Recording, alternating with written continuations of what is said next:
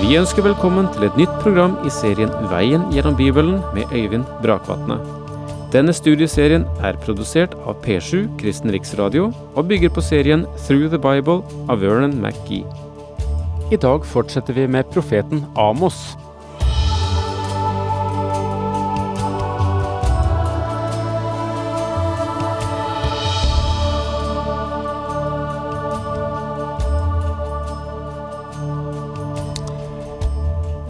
Profetene er svært samstemte i sitt budskap. Selv om de har forskjellige epoker der de opptrer, og der de gir sine profetier i sin samtid, men også mot fremtiden, så merker vi at det er visse modeller, visse uttrykksformer, visse begreper som de er felles om. Tenk på eksempel på et begrep som Herrens dag. Men samtidig så har profetene sine særegenheter. Noe av det særegne med Amos er at han begynner sine profetier med landene omkring Israel. Deretter går han til Juda, som var Sydriket, og så ender han opp med profetier for Nordriket. Og det er der han nå står og profeterer. Han er en fantastisk predikant. Kalt fra ørkenen i syd, nær Tekoa, og til Nordriket. Gud har kalt ham ut og bort fra saueflokken som han gjette, og morbærfiknene som han samlet, og til kongens kapell i Betel. Der er stuefullt i kapellet, som vil høre denne dristige profet, som forkynner Guds vei og Guds dom for folkene omkring Israel, og de kvekker til litt ekstra når han også går inn på Juda men eh, når han nå også kommer til Nordriket, til Betel, da begynner de å murre. Vi kan tåle mye som gjelder andre, men eh, vi kan bli temmelig hårsåre ganske fort når det dreier seg om oss selv. Og det er kanskje årsaken til at eh, eh Amos tar for seg de andre nasjonene først. For han visste at eh, når han kom til Nordriket, eh, ville det være lett for at kapellet, selv kongens kapell, ville tømmes for folk. Men nå har han dem. Dommen mot Israel kommer på bakgrunn av umoral og blasfemi. Og Angrepet, om du så kan si, mot Nordriket kommer fra vers seks i kapittel to i Amos-boken. Og vi går inn igjen eh, der. Det var også det verset som vi sluttet med før vi sa farvel til hverandre sist. Så sier Herren, for tre ugjerninger Israel har gjort, ja, for fire tar jeg ikke min dom tilbake, for de selger rettferdige for penger, og fattigfolk for et par sko. Merk deg denne faste formuleringen som Amos bruker, for tre ugjerninger, ja, for fire. Det betyr bare at det er flere ting som Gud peker på, og som Gud tar hensyn til når han gir sin vurdering. Men så nevnes noen spesielle ting, men det er egentlig flere årsaker. Og det ligger i uttrykket for tre ugjerninger, ja, for fire tar jeg ikke min dom tilbake. For de selger rettferdige for penger og fattigfolk for et par sko. De ti stammene i Nordriket hadde Moseloven, men de begikk de samme synder som de folkeslag som var bosatt rundt dem. Faktum er at de folkeslag som Gud hadde drevet ut av landet, var skyldig i de samme synder som Israel nå begikk. Først av alt behandlet de de fattige på en skammelig måte. Og du vil snart oppdage at Amos har en hel del å si om de fattige.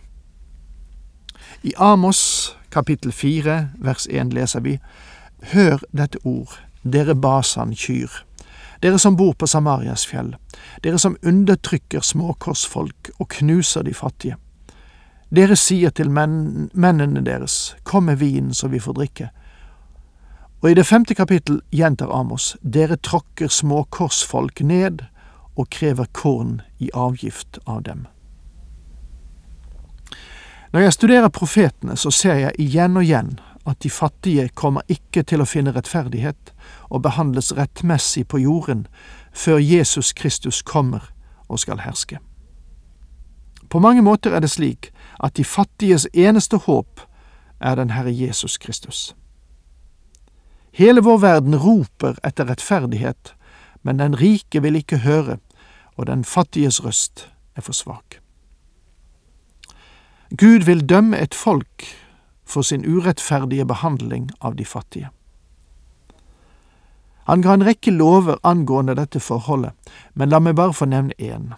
Du skal ikke fordreie retten, gjør ikke forskjell på folk, og ta ikke imot bestikkelser. For bestikkelser gjør vise menn blinde og skader saken for den som har rett. Slik står det i femte Mosebok kapittel 16 vers 19. Gud nedfelte denne loven for å beskytte de fattige. På den tid dette ble skrevet, kunne en mann være absolutt uskyldig, men hans motstander kunne stikke en slant under bordet til dommeren og på den måten påvirke avgjørelsen til fordel for seg selv. Og denne praksis er ikke helt død ennå, selv i vårt samfunn. Andre forhold har endret seg, men fremdeles er det slik at begjæret fordreier retten. Det er vanskelig for den fattige i dag å finne rettferdighet når det er pengene som er den bestemmende faktor. Amos prekte mot et påtagelig problem i sin samtid når et par sko kunne omstøte en dom og føre lidelse over den fattige. De tråkker småkorsfolks hoder i støvet og trenger de hjelpeløse bort fra veien. En mann og hans far går til samme jente og vanhelliger således mitt hellige navn. De tråkker småkorsfolks hoder i støvet. Dette er et uttrykk for den totale ydmykelse de fattige måtte tåle. Dette er et moderne avguderi også i vår tid. Gud har dømt nasjoner tidligere for dette forhold, og han vil sikkert gjøre det igjen. Og trenger de hjelpeløse bort fra veien. Det betyr at de ikke ville vite av at det fantes hjelpeløse i samfunnet, så de var nødt til å forstyrre sin samvittighet. De sakmodige arver sannelig ikke jorden i dag. Den okkuperes av dem som er frampå og kan grave til seg selv. De fattige og de sakmodige finner ikke full rettferdighet i Israel, og finner heller ikke rettferdighet noe annet sted i verden i dag. En mann og hans far går til samme jente og vanhelliger således mitt hellige navn. Det Amos her taler om, er en prostituert. Og kanskje også en prostituert i forbindelse med Beal-dyrkelsen. Både far og sønn besøkte den samme skjøge. Og Gud sier her at hor profanerer Hans hellige navn.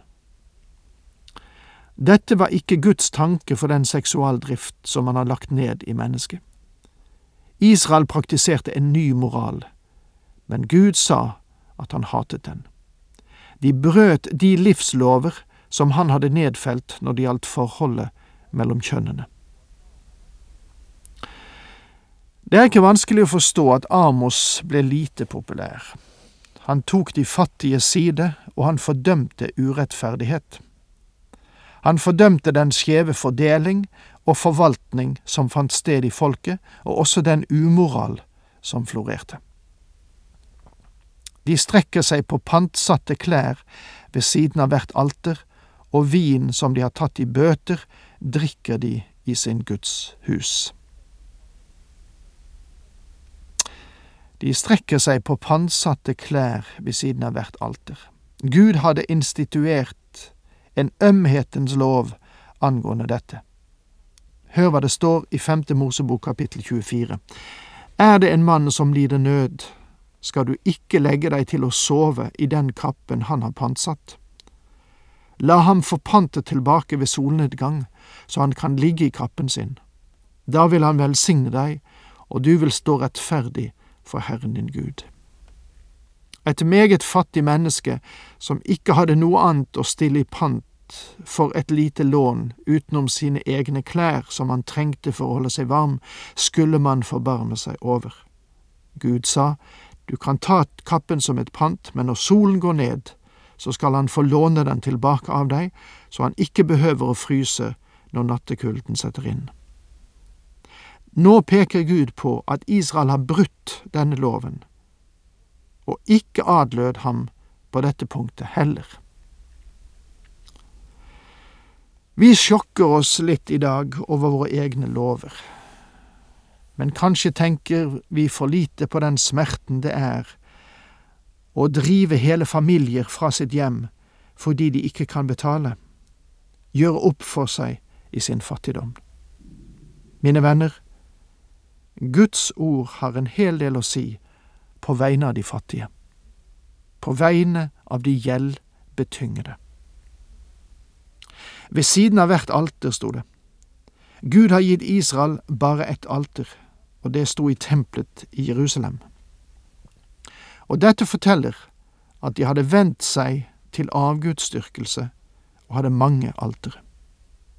Og vinen som de har tatt i bøter, drikker de i sin Guds hus.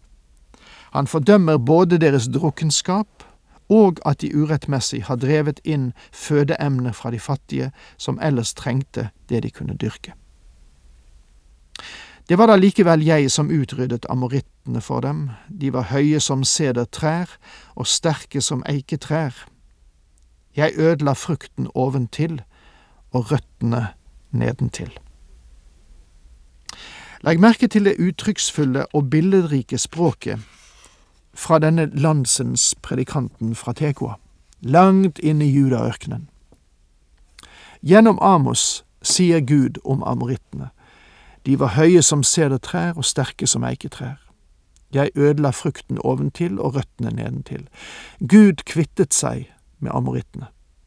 Og vi leser i Josva-boken kapittel 24 vers 8 slik, Så førte jeg dere inn i landet til amorittene som bodde øst for Jordan.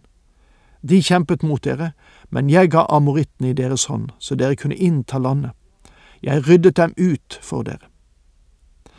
Vi har allerede sagt at det er ikke lenger noen moabitter, og jeg undrer på når verden siste gang så en amoritt.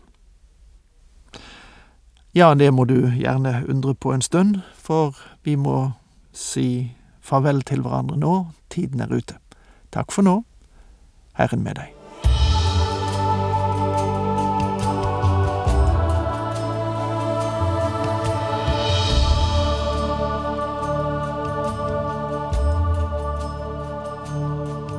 Du hørte Øyvind Brakvatne i studieserien Veien gjennom Bibelen.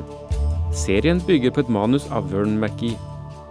Har du spørsmål eller kommentarer til programmet, kan du sende en e-post til vgb krøllalfa p7.no. Takk for i dag, og på gjenhør.